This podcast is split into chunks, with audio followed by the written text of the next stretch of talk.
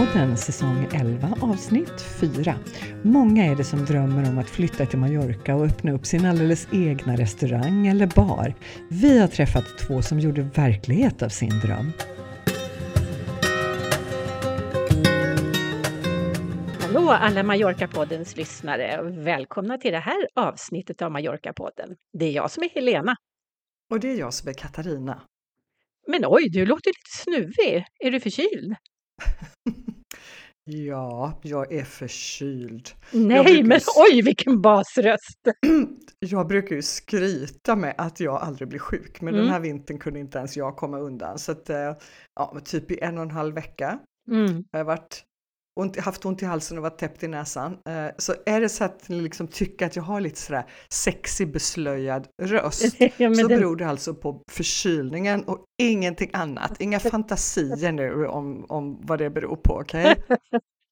Ja, du har, Katarina har börjat ta lektioner i att få, låt, få rösten att låta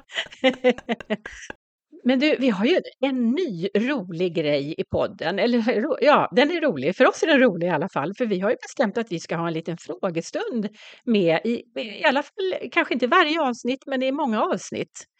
Eh, ja, för det är ju så att vi får mycket frågor både på Facebook och Instagram och på mail. Och det är mm. allt mellan himmel och jord. Och då kom vi på det eftersom vi ändå anstränger oss och oftast kan hitta svar på de här frågorna så kan vi ju delge alla er lyssnare de svaren.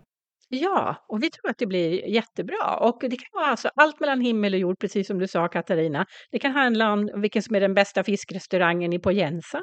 Det kan handla om vad metron från Palma till universitetet kostar. Eller bara en sån viktig liten sak, hur gammal är lilla Pujol?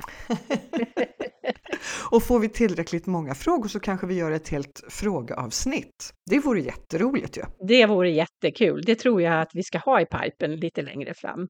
Ja, så bara in med era frågor, antingen på Messenger som är kopplat till vårt Facebook-konto eller på Instagram eller på vår mail olla.mallorcapodden.se.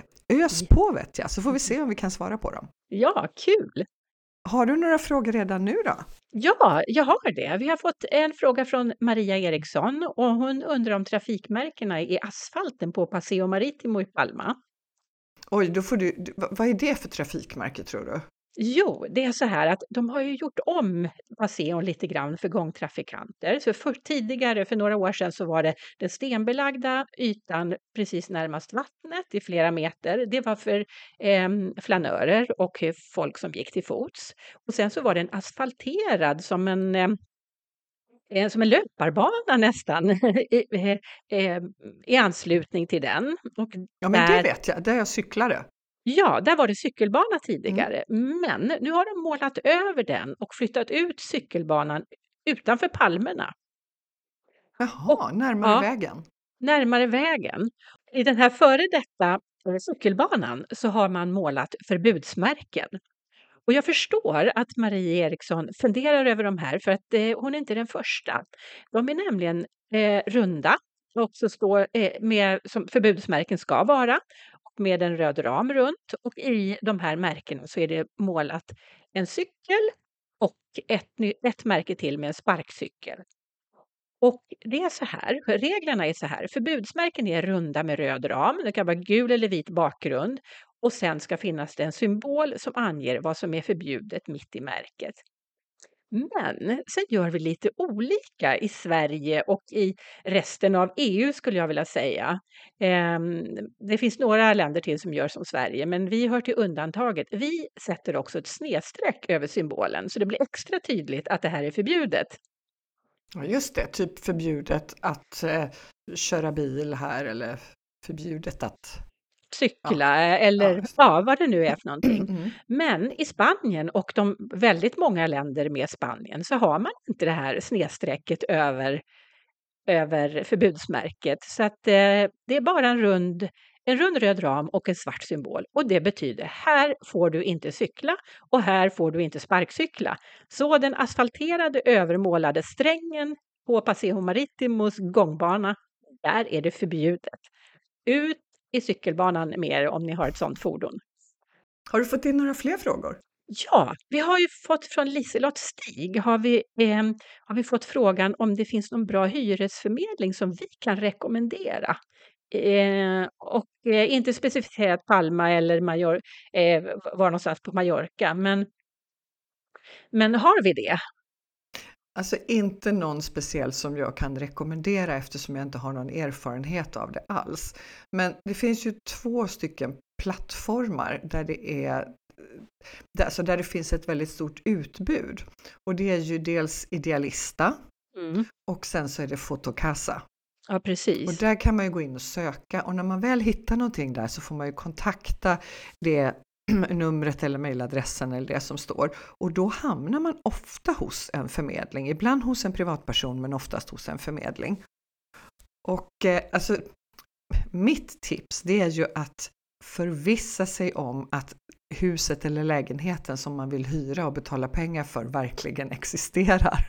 Precis, och eh, har man möjlighet alltså att gå dit och titta innan man skriver något kontrakt, för att det kan ju finnas, det kan ju se jättefint ut på bilderna och så är det svartmögel i alla garderober. Mm, eh, så ja. att, eh, och i värsta man... fall så existerar den inte överhuvudtaget. Nej, eller är uthyrd till flera personer eller sådär. Så gå dit och titta eller skicka en kompis som är på plats. Ja, precis. Och det som är generellt för hyresförmedlingar, det är att de tar en månadshyra i förmedlingsavgift och sen så eh, lägger man på en månadshyra i deposition till hyresvärden. Men den, den får man betala även om man kontaktar hyresvärden direkt oftast. Så det är, liksom, det, det är kutym att man gör så. Vi känner, två, vi känner till två svensktalande mäklare, eller hur, som, som eh, sysslar med uthyrning. Och, ja, just det. Eh, Karin Isgård på Rent a Home. Ja, och Janne Alseld. Ja, men så skicka in frågor till oss så får du svar. Ja, det ska bli superkul. Vi ser fram emot det. Mm. Men du, den här, eh, det här avsnittet vet jag att Partypingland, ja. Helena, har verkligen längtat efter, eller hur? Ja, Alltså öppna en bar på Mallorca. Jag, alltså jag älskar ju barer överhuvudtaget och jag har ju också faktiskt har jag berättat det någonsin att jag har en, eh, en gammal karriär på restaurang och bar? Nej, det tror jag inte. Mm, jo, då, jag, på 80-talet då jobbade jag i Stockholms barer minsann. Oh. Ja. men, men eh, den, den kompetensen är så att säga lite, lite dagad. Så att, lite eh, utdaterad. Jobbade du på den tiden när folk drack gröna hissen och geting? Ja, geting definitivt, men det som kom stort, det var den här B52an som man skulle skikta. Kommer du ihåg den? Man skulle skikta och det var ju jättesvårt, men mm. det, det lyckades man med till slut i alla fall. Och, och sen strax innan jag slutade, då kom trenden med hotshots. Ja, ah, just det. Ja, ah, men så där, där någonstans la jag ner den karriären och började skaffa familj Har du någon egen favoritdrink nu? Um, Mm, bubbligt vin. Ja, ja, det är ju så när jag går på cocktailbarer eller ja, jag springer ju inte där stup i kvarten, men när jag någon gång hamnar i en bar så blir det ju ofta att jag beställer ett glas bubbel. Ja. Mm, men min första erfarenhet av cocktail, det var när jag var med min mamma och en kompis och hennes mamma på, på Kos var det, i Grekland. Kan ha varit 16 kanske, 15. Ja. Och då tyckte min mamma eh, att jag skulle få prova på att dricka en riktigt god drink. Ja, ja en bra mamma. Så, ja, precis. Då sa hon det till bartendern där att så här, den får inte vara stark liksom, men den ska vara god. Och då fick jag en grasshopper. Åh! Vet du vad en grasshopper är? Ja, jag tror att det är mintlikör och kaffegrädde. Nej? Ja, det är mintlikör, kakaolikör och vispgrädde. Ja, Mm. Och så var det krossad is och då kom jag ihåg att bartendern sa till mig att det var hackade gräshoppor. Men du, de här ja. drinkarna som vi pratar om nu, de eh, serveras nog inte så ofta nu för tiden. Nej, nej men de, de har nog fallit i glömska rätt så mycket. Mm. Eh, men jag har tänkt på det här med att, öppna en bar och det är ju mångas dröm. Då. Jag drömmer ju fortfarande om det ibland sådär att men, men den här lokalen den vore ju perfekt. Det här skulle man kunna ha en, en liten eh, hål i väggen eller ja, någonting. Och det är ju härligt att öppna sin egen verksamhet på Mallorca liksom. Men det är inte superenkelt. Det är inte superenkelt och man ska inte bara ha en lokal och en dröm utan man behöver ha en affärsplan eh, med, eh, och med, med en, med en åtminstone ungefärlig budget. Och eh, jag tror att det är bra också, i alla fall om man kommer pinfärskt ifrån Sverige, så där, att det är bra om man lär sig lite om spansk affärskultur innan man kör igång och nätverkar och börjar, eh, och börjar ta kontakter och sådär. Att man håller sig lite grann avvaktande och ser hur går det till här egentligen? För även om skillnaderna inte är jättestora så finns de där och de, det är de subtila skillnaderna som, som gör det, eller hur? Mm, mm. Som är viktiga, ja. Helt rätt. Men du, jag har ju faktiskt träffat ett par som gjorde verklighet av den här drömmen att öppna en bar. Ja, du har ju det. Alltså, det jag har längtat så efter det här. Berätta, vilka är, vilka är de? Ja, jag har träffat Dennis Rosberg och Isabelle Ernlund som för ett år sedan eh, tog sitt pick och pack och styrde iväg till Mallorca för att öppna en bar i La Loncha. Eh, deras bar heter Flora och eh, ja, men vi lyssnar på deras berättelse om hur det gick till när de öppnade en bar och eh, hur det har gått för dem. Ja, det gör vi.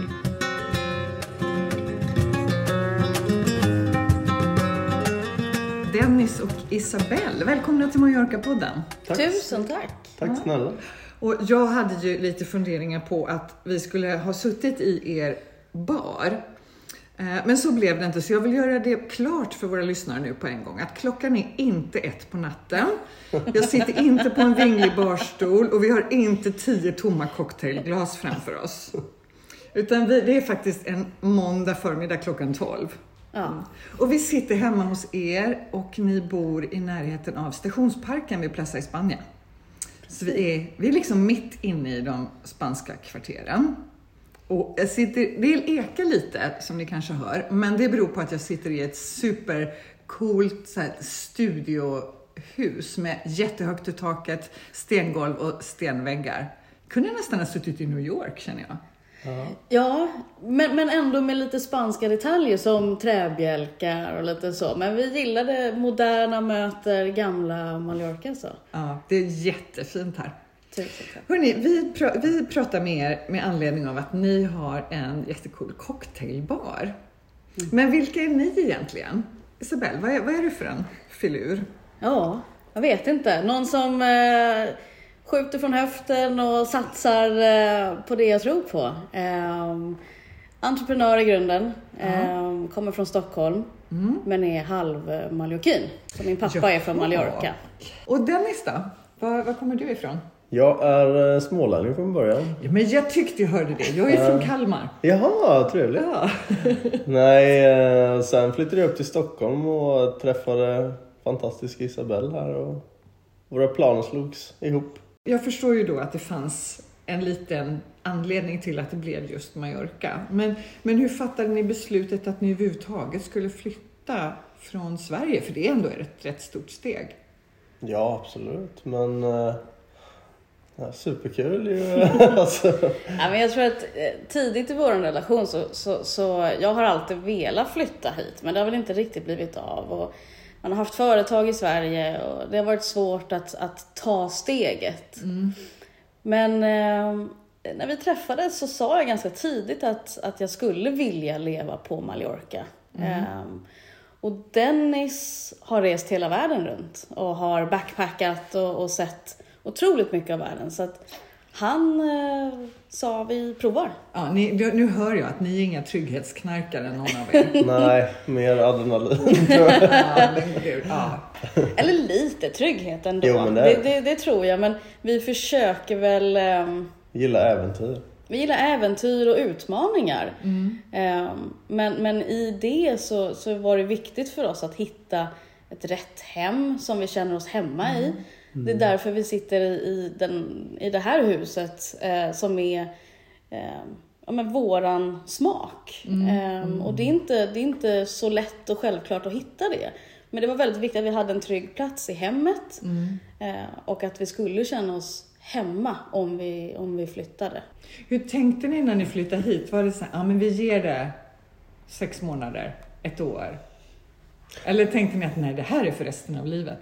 Nej men det är alltså våran ambition hela tiden har ju varit att starta upp någonting och köra 100% och det är svårt att gå in halvhjärtat för något också om man ska lyckas i, i slutändan liksom. Ja. Jag tror att till en början så, så var det väl vi testar. Mm. Um, och, och, och, känner vi att det här var inte för oss så har vi provat det mm. och vi kan åka hem. Eller inte hem, åka någon annanstans. Ja, precis. Flytta någon annanstans. Mm. Um, men jag tror att vi har efter det här året som vi har bott här nu um, landat i att vi, vi trivs här väldigt bra. Ja, och vi skulle nog båda vilja bli gamla här om vi hade den möjligheten. Ja. Mm. Gud vad härligt, vad skön, vilken skön känsla det är. Speciellt när man har varit lite sådär orolig och, och åkt, åkt runt mycket och liksom levt i, i kappsäck eller mm. hela tiden satsat på nya utmaningar och så känner man bara att mm, det här känns ju Nej, men jag tror att vi båda kände till exempel nu när vi var hemma över jul, nyår där i Sverige och det var det här gråa, regniga liksom snöblasket. Man bara, ja, vi längtar tillbaka till Mallorca helt ärligt. Men hörni, hur kom det sig att det blev en bar? Ja. ja. Nej, men jag har en, en, en vän sedan sen många år tillbaka som driver en restaurang i Santa Catalina. Mm. Um, han är från um, Argentina. Mm. Han um, rekommenderade väl oss. Vi, jag, har, jag är vinsamlare i grunden, så jag, jag mm. gillar vin. Mm. Väldigt glad i, i vin, men, men har ett stort intresse i cocktails och eh, tillverkningen av det och hur man, hur man kan vara kreativ på olika sätt. Ehm, mm. Um, och även med Dennis då. Dennis har ett stort intresse i mixologi och den mm. mer kemiska varianten mm. av uh, hur man skapar eh, annorlunda upplevelser i en cocktail. Um, och det, det visste vår vän om och han, han sa det, ett, ett bra sätt att komma in på Mallorca och, och kanske skaffa sig ett jobb och, och starta ett företag är via en, en bar. Mm. Um, sen är inte det en enkel uppgift, men, mm. men det är en god start och du skaffar dig ganska snabbt ett gott nätverk. Mm. Men det var inte så att ni kom hit och började jobba hos någon annan eller åt någon annan? Utan ni ville ha ett eget? Ja. Mm. Det, var det var ju ambitionen. Ehm, men när vi flyttade hit hade vi faktiskt inte en lokal. Så vi... då började det, det började där? Jakten. Jag tror alltså ambitionen hemma i Sverige när vi satt och tänkte på det var väl egentligen en vinbar från början. Mm. Men eh, sen, alltså man kan ju vara mycket mer kreativ med cocktails. Vi gör ju mycket vi har ju ett citronträd här ute i trädgården så vi pressar ju egen citronjuice. Och... Mm. Jag, jag sitter, jag ska tala om det för våra lyssnare, jag sitter här och är bara avundsjuk. Inte missunnsamt avundsjuk, men alltså riktigt avundsjuk. För mitt inne i stan så har ni en patio med både ett citronträd och ett apelsinträd. Ja. Och nu är det liksom säsong. ja. Absolut. Ja. Vad hade ni för tankar om var ni ville vara någonstans? Eller vilken typ av lokal ni ville ha? Men Isabelle har ju haft mycket erfarenhet av Mallorca. Hon pratade väldigt tidigt om uh, La Longa egentligen. Vi, uh, vi var ju här nere och folk rekommenderade oss men ni borde starta något i Santa Catalina ju. Men uh, mm. vi kände att det är redan ett stort utbud i Santa Catalina också på cocktailbarer och så ju. Ja men vi hörde från alla håll Santa Catalina, nej, nej, inte La Longa. Men jag tittade till mig själv och, och, när jag har varit här har jag alltid varit i La Longe. Mm. Um, så lite är vad jag själv känner att om jag trivs på en plats när jag besöker mm. Mallorca, varför ska jag inte ha min verksamhet på den platsen då? Mm. Um, och sen, um, vi gillar klientelet uh, i, i området och eh, nära centrum. Och, och, vad betyder det när du säger ni gillar klientelet? Vilka är det som hänger på er bar? Ja men typ exemplet är väl runt 45 år och väldigt uppklätt eh, elegant par liksom skulle jag säga. Mm. Är det, kommer man från yachthamnen? Absolut gör man det. Ja. Vi har både eh, en ägare och, och personal mm. som kommer till oss. Men, men vi, vi har ju mestadels turister, det har mm. vi. Um, Givetvis har vi svenskar som kommer och hittar till mm. oss, vilket vi är glada för. med mycket britter och amerikanare och Aha. väldigt mm. eh, blandat. Några spanjorer överhuvudtaget som hittar dit? Jajamän. Ja, mm. men jag skulle säga span spanjorer med lite, eh, lite mer elegans Aha. kanske. Mm. Um, ja men nu pratar vi verkligen en cocktailbar, det är ingen pub som ni har utan det är en cocktailbar. Ja men precis, det är inte, mm. det är inte pub och det är inte ett ölhak heller Nej. utan vi gör kvali kvalitetscocktails. Mm. Och, och, um... Försöker följa med lite i trender, vad som är hippt för stunden med cocktails och utveckla. Och... Ja det är superkul. Och vad var det då som gjorde att den här lokalen kom i fråga? Ja. Men vi, ja, vi tittade på massor. Eh, och allting är väl kanske svårt att föreställa sig. Mm. Eh, en, en, en vision när man kommer in direkt. Men den här, det här stället, jag jagade den här lokalen nästan ett halvår. Fick oh. inget svar. Men den här, det här stället låg fortfarande kvar i mitt huvud. Och jag var mm. förbannad att jag inte får tag i någon. Så jag tänkte, mm. jag skickar ett mail till. Nu bor vi här, jag vill träffa någon som kan öppna dörren till den här lokalen mm. så jag får se den. Hur svårt kan det vara? Ja, så. precis. Men eh, vi fick tag i någon. Eh, och hade visning dagen efter.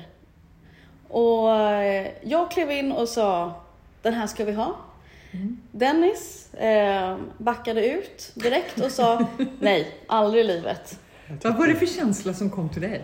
Nej, men jag tror det var, jag har ju drivit byggföretag tidigare i Stockholm och då liksom när vi klev in där, det var lite för stort projekt egentligen kände jag. Men eh, jag sa att vi tar den. och du bara såg arbetet växa. Nej, men det, är, alltså det är en rolig resa tillsammans också att fixa i ordning någonting och eh, mm. alltså ett frö från början som växer till ett fint ja. träd liksom. Du sa att du har drivit företag förut. Mm. Hade du också eget? Ja, mm. ja båda två. Mm. Då hade ni ja, men det här i er lite grann. Men det är ändå skillnad att starta ett företag i Spanien jämfört med Sverige. Ja. det kan man säga. Ja, men här är ju ingenting digitalt då, till att börja med. Äh. Så allting eh, är manuellt eh, och med det sagt så måste man ju ta hjälp. Mm. Så vi har tagit hjälp via en eh, Gestoria som har eh, skapat vårt företag och ja. talat om vilka stämplar som behövs och, och mm. allt som, som vi behöver göra alla steg. Mm. Um, så att, ja, det är skillnad. Mm. Och när man har en Gestoria så kan man ju använda dem inte bara till att starta ett företag utan de hjälper en med alltså, ekonomin och all kontakt med, med myndigheter. Mm. Jag förstår. Ja. Mm. Ja, men löpande redovisning eh, och, och löner och eh, planera, skatteplanera och hur vi eh, investerar ja, och, och, så. Mm. Mm. Bestämde ni hur baren skulle se ut och vad ni ville ha för inriktning på den och vad den skulle heta och sådär? Vad... Alltså namnet var ju eh, Isabelle som bara spottade ur sig. Kreativ som hon är. Nej men det, det, jag tyckte att jag ville ha någonting enkelt. Mm. Eh, ett ord gärna. Ehm, och som alla kan uttala oavsett eh, nationalitet. Mm. Eh, så Flora, eller Flora på svenska då. Eller Flora. Eller Flora.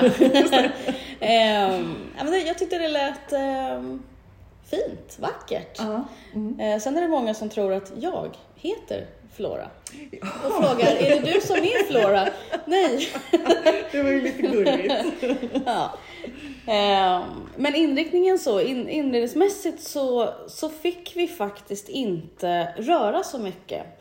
Den här lokalen är, eh, ägs och är designad av en mallorquinsk eh, kläddesigner som heter Miguel Adrover. Ehm, allting inne i lokalen är handgjort. Det är handgjort av material från Mallorca så att vi har all träslag är olivträd. Ehm, allting är handknackat och, eh, och så, så att vi, vi fick inte röra så mycket. Ehm, och det har vi skrivit på att vi ska eh, vara väldigt aktsamma och mm. Eh, respektera det. Mm. Så vi har väl gjort med vårat öga moder lite modernt. Mm. Mm. Fast det är fortfarande en otroligt vacker och annorlunda lokal. Och ni var helt eniga sådär om hur det skulle se ut? Ja men det är alltså vi, eh, vårt gemensamma intresse för design och liksom inredning är ju ganska lika. Absolut. Mm. är det inte mycket? Nej, vi är, det... vi är ganska minimalistiska båda två liksom. Men... Eh, ja. ja men det är ju skönt. Ja. Det, det underlättar ju lite på vägen med, ja. när man ska ha ett gemensamt projekt. Nej, det brukar aldrig clincha där liksom. Nej. När pratar vi om i tiden? För det här är inte jättelänge sedan det vi pratar om nu. Ja, det är, vi öppnade förra våren. Det var ett litet eh, renoveringsprojekt, mm. eh, ett par månader. Tyvärr med lite vattenläcka ovanför lägenheten ovanför. Ja, och... så förvånande. Precis. Hur många gånger har man hört detta? Ja. ja. Eh, så det, det, det, blev ett lite större projekt än, än, än mm. väntat då. Okay. Mm. Eh, men eh, vi öppnade upp där i slutet av april, eh, början av maj. Mm. Och eh, hoppades på det bästa. Mm. Helt enkelt. Men hur gör man när man startar upp? Liksom? Bara öppna dörrarna och tar ett djupt andetag och blundar och hoppas att någon kommer? Eller hur marknadsförde ni er? Hur nådde ni ut? Faktiskt inte alls marknadsförde vi oss, utan vi öppnade dörrarna och sa nu kör vi. Bära eller brista. ja, det är dagens sanning. mm. Ja, nej men och det är ju så här, det sociala medier är ju superstarkt. Mm. Eh, och det borde vi använda, mm. men det gör vi inte. Eh, och vi ska bli bättre, har vi lovat varandra. Men, men... Ja, menar ni att Flora inte ens har ett Instagramkonto? Det har, med hela sju eller åtta bilder tror jag. Ja, oh, men herregud. ja. Här. Man blir helt ehm. nervös när man hör det här. ja, ja, men jag vet inte. Vi, vi uh... ja. Alltså funkar det ändå så behöver ni inte vara så ledsna för det. Men eh, nu för tiden känns det ju som varenda liten hundvalp har ett Instagramkonto. Ja, ja, så är det. Så är det ju. Och det, och det, ehm, vi vart ju väldigt förvånade under säsongens gång. Jag menar, vi har haft en fantastisk säsong bakom oss. Mm. Eh, där ja, vi är, är vi jag tror vi är helt stumma båda två att det har gått så bra som det har gjort. Eh, och allt intresse som finns i liksom Trots att vi inte har marknadsfört oss själva någonting Nej. så har ändå folk hittat dit och folk vet om oss, vilket vi är väldigt tacksamma för. Ja, jag tror att det är mycket mun mot mun-metoden. Ja. Så att folk som har varit hos oss rekommenderar oss. Och vi hade eh, gäster från, från USA som sa eh, våra vänner rekommenderade. De var här för i början av säsongen. -huh. eh, så det, det, liksom, det sprider sig och det är vi bara tacksamma för. Ja, och, och med sociala medier, det är gästerna som gör jobbet åt oss. -huh. De fotar våra drinkar och taggar platsen och så fick vi höra att ert ställe över hela Instagram och vi Ja, vi med förstår av inte. hashtag flora ja, men precis. så, har ni ändå, så finns ni ändå på Insta. Vi ja. finns, men vi finns ändå inte, mm. så att mm. säga. Men det finns ju potential då att ta ytterligare ett steg. Det är nog tanken den här säsongen att ta tag lite i instagram ja, ja. Vi, vi behöver lägga tid på det. Ni pratar om säsonger, men ni har öppet året runt, eller hur funkar det? Eh, nej, vi, vi stängde faktiskt eh, december, mm. eh, åkte hem till Sverige och firade jul. Mm. Eh, och tanken var att öppna i mars mm. igen, eh, i samband med Balearernas dag, första mars. Mm. Men vi eh, eh, saknar baren, så vi öppnar redan nu på fredag. Den 10 februari. Yes! Gud vad roligt! Ja. Då ska det drickas drinkar. Ja. Så att det blir ju säsonger för oss. Ja. Eh, mm. I den meningen att när an alla andra har semester så jobbar vi. Ja. Mm. Eh, så... nu, har, nu har vi stått i köket i några veckor och liksom fått fram lite nya drinkar som vi är jättesugna på att folk ska få prova. Och... Mm. Men man kan säga att eh, högsäsongen är maj till september eller?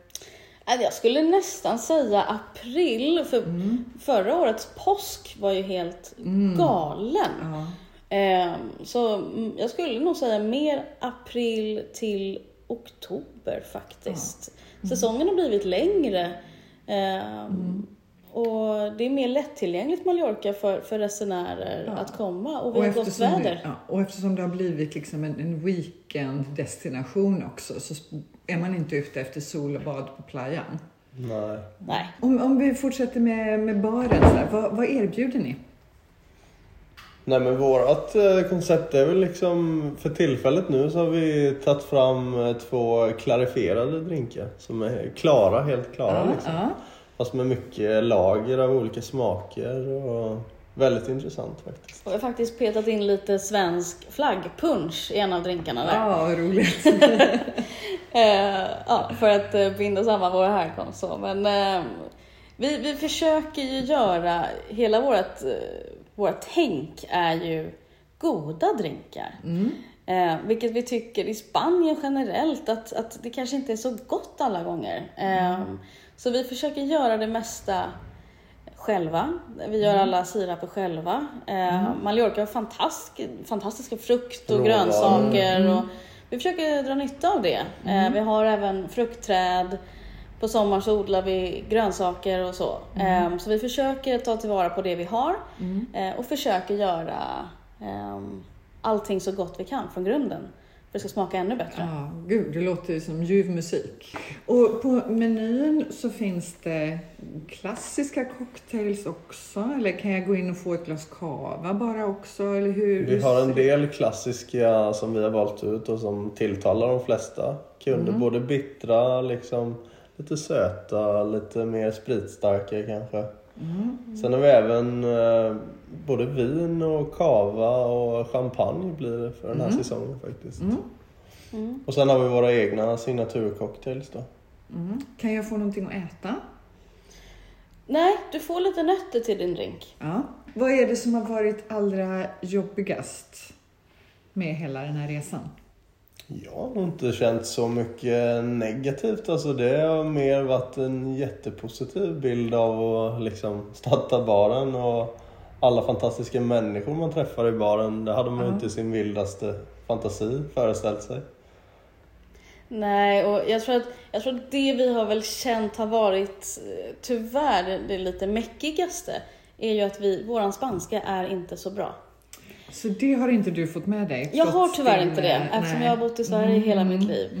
Ehm, så att den är, vi tar oss fram Mm. eh, och den är betydligt bättre nu än vad den var för ett år sedan. Mm. Men, men det är svårt när du inte pratar språket. Mm. Ehm, det är det. Och det är väl det vi har känt har varit ehm, lite kanske det, det krångligaste för Ja. oss. Eh, lite tufft. Ehm, Mm. Vi har kunnat tagit hjälp av vänner som pratar spanska gott.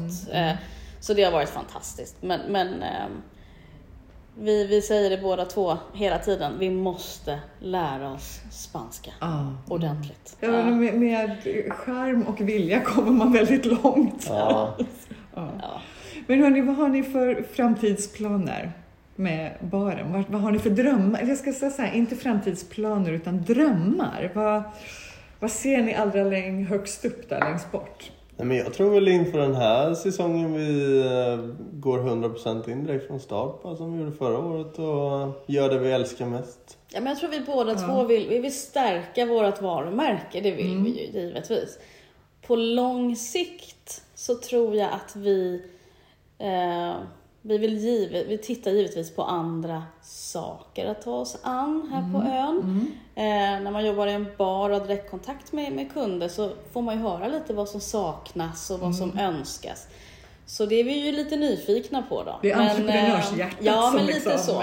slår Men, lite. men jag tror att drömmen är väl att vi ska faktiskt kunna få vara kvar på den här ön Ja. så länge som det bara går. Mm. Men vem vet, om fem år kanske jag kan gå på Flora på Ibiza också? Vem vet? Vem ja, vet? vem vet? Ja. Där sådde du ett nytt frö. Hörrni, vad har ni för tips för den som sitter hemma i Sverige och drömmer sig bort och tänker att de vill öppna någonting eget på Mallorca? Gör det. Gör det bara. Gör det, ja. Nej, Jag men man måste ja, våga, måste våga liksom ta chansen. eh, Och skulle det gå åt skogen så är det ju alltid bara att åka hem igen om man... Ja, men jag tror att, att eh, lite våran filosofi är väl att om man vill det så, så kan man. Mm. Eh, vill du det tillräckligt mycket så kommer du få det att funka. Eh, och jag tror man är rädd att vara ensam i ett nytt land, men den här ön, så mycket vänner som vi har fått det senaste året, det är, i vuxen ålder är det, det är få förunnat. Det är fantastiskt. Och då tänker jag innan vi slutar ska jag passa på att klämma ur er lite sådär vad ni har för, vad har ni fått för favorithak här?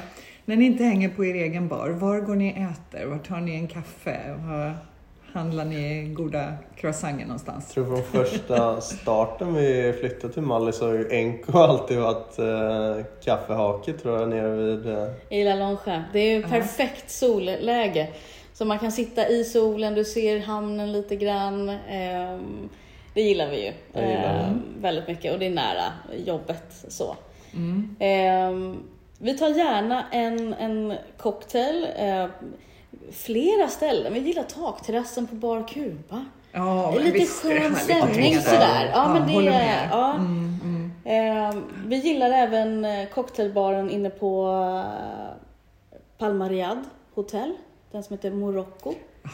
gillar vi väldigt mycket. Det är nytt för mig. Mm. Mm. mm. Och om ni går ut och äter?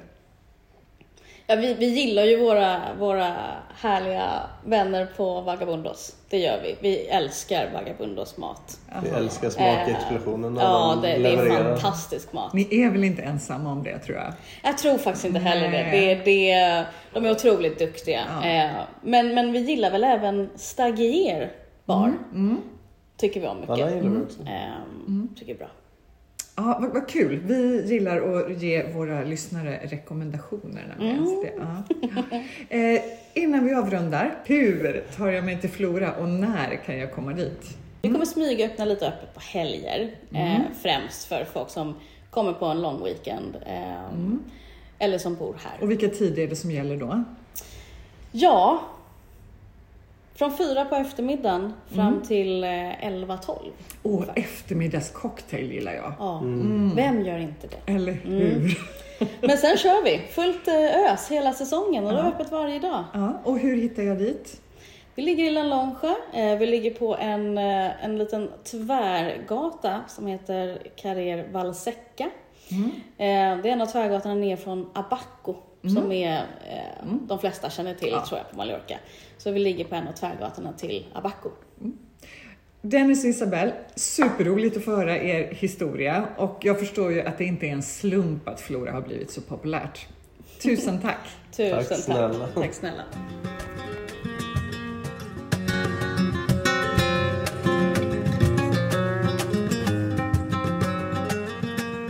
Okej Helena, tänker du ta upp konkurrensen?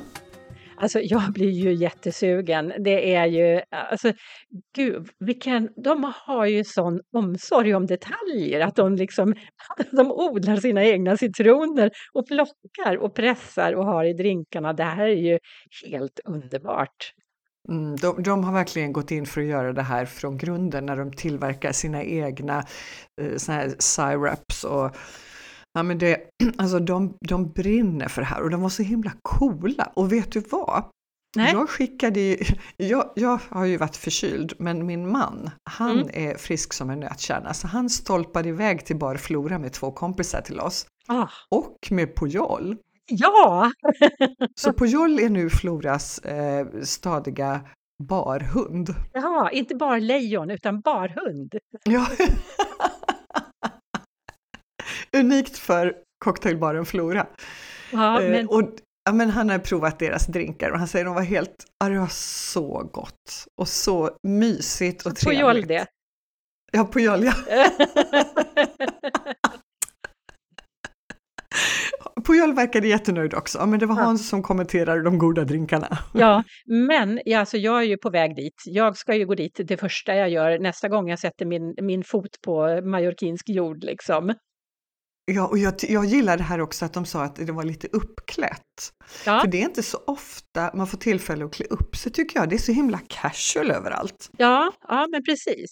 Men du, jag måste också återkomma till det här, alltså när du frågar om deras bästa tips och då säger Dennis, ja men bara gör det. Och det här är väl kanske det bästa tipset som vi kan, som vi kan ge, som vi också kan ge då till alla som har en dröm, vad det än är liksom. Har man en dröm, så bara gör det. Mm, ibland måste man blunda och hoppa. Precis. Och startar man där, sen kan man liksom få allt det andra på plats. Och de, de hade ju två jätteviktiga saker till. Skaffa en gestor, det är är ett måste om, om det, alltså det har man ju som privatperson också för allt som ska grejas med i Spanien ofta. Och sen lär dig språket. Även om man inte kan erövra spanskan på, över några veckor eller med en intensivkurs eller någonting, så ha språkörat öppet hela tiden. Mm, och lär mm. dig och använd för att det är så mycket lättare när det, man kan det.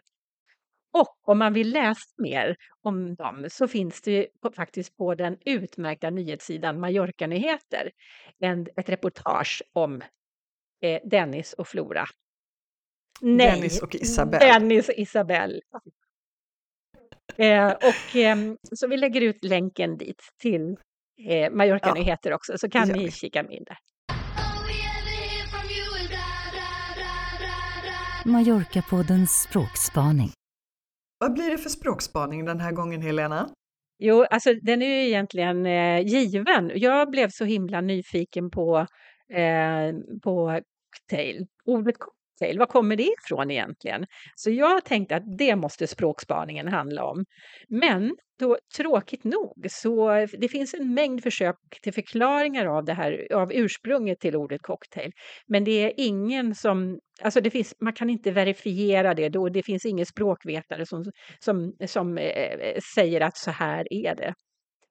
Vilken är den roligaste förklaringen då? Alltså den, den som jag har läst, det finns en massa då, då, men den som jag har läst som jag tycker är mest sannolik faktiskt, och också kanske roligast, det är att förr så var eh, cocktails ingen kvalitetsdrink utan eh, det var vanligt eh, att bartendern brukade tömma alla slattar från ölfaten och sälja den här häxblandningen som det då blev billigt under namnet cocktail.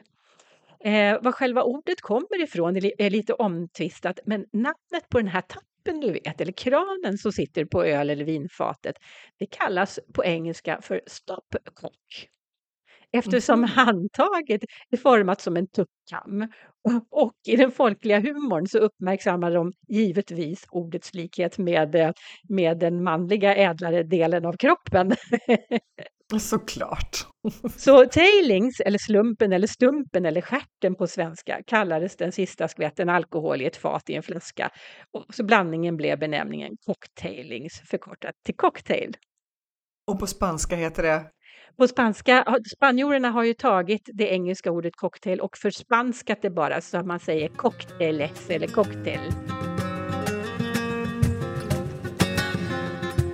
Och det vet ni ju sedan gammalt att Mallorca-nyheter är lite av vårt husorgan när det gäller att eh, eh, tillförskansa oss nyheter om vad som händer och sker på ön. Och eh, det går alldeles utmärkt att prenumerera på deras nyhetsbrev som kommer en gång i veckan. Mm -hmm, på fredagar, det är alltid lika välkommet. Mm. Och eh, där läste jag bland annat nu senast att eh, det här tyckte jag var så himla härligt. Jag, vi som gillar att handla ekologiskt och sådär.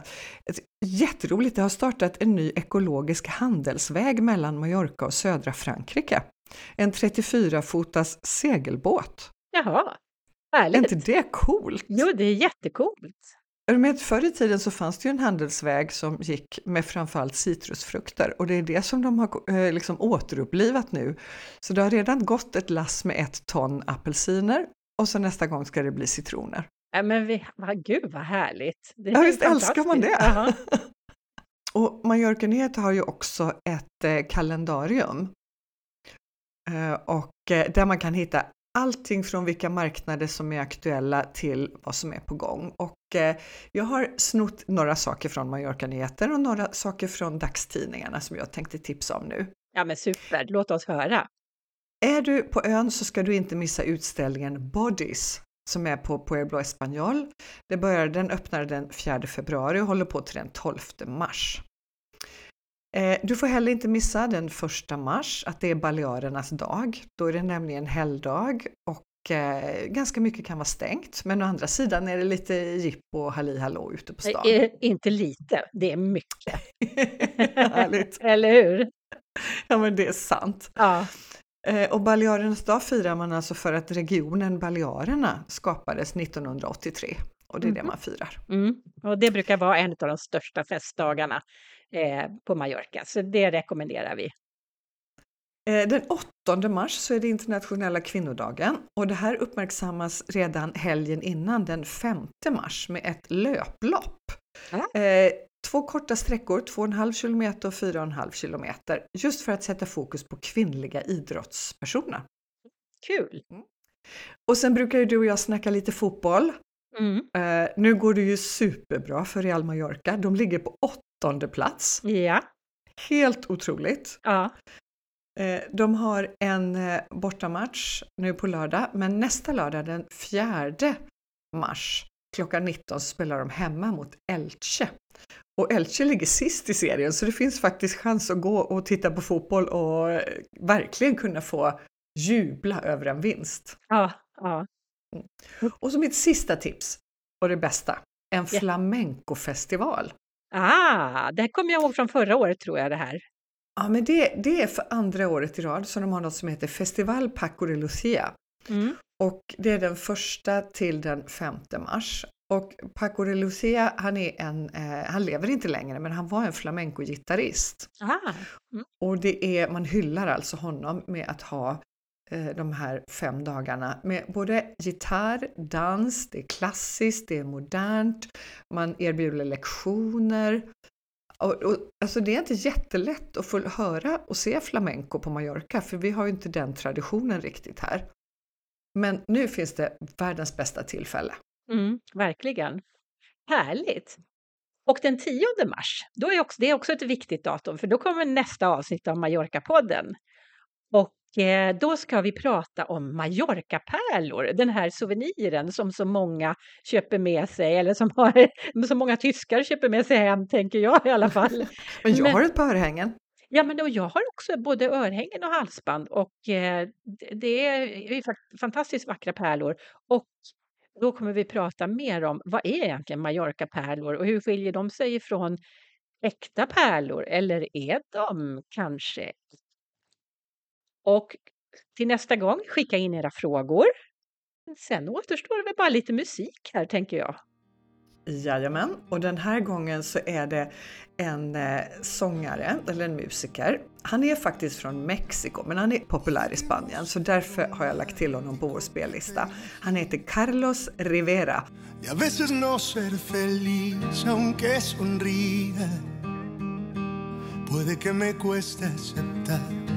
Y a veces tengo miedo a enfrentar Todo lo que yo odio de mí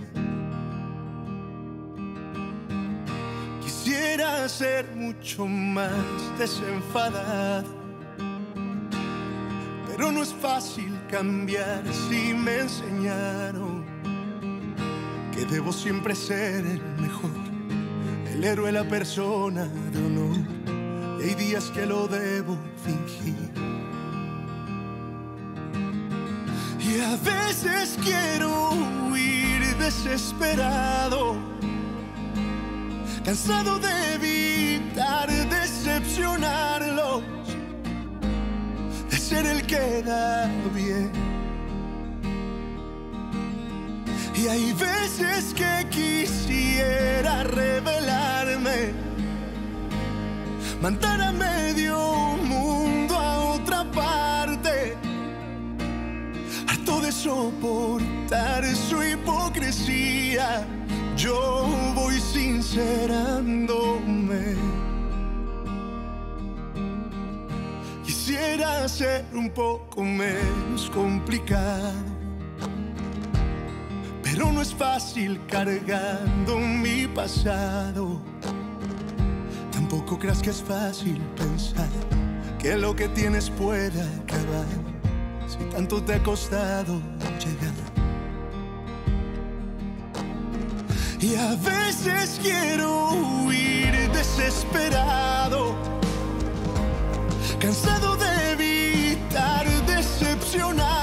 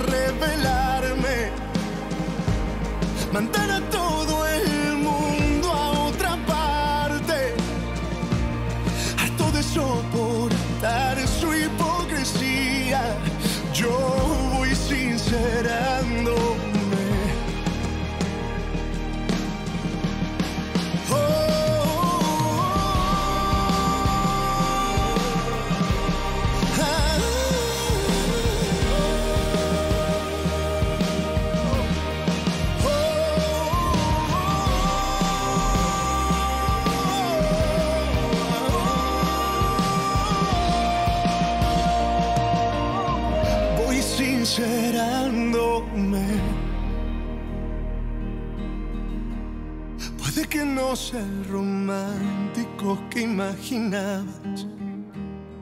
Tal vez si mis canciones me delatan. Solo que a veces cuesta cumplir con todo lo que esperan de ti. Y lo necesitaba decir.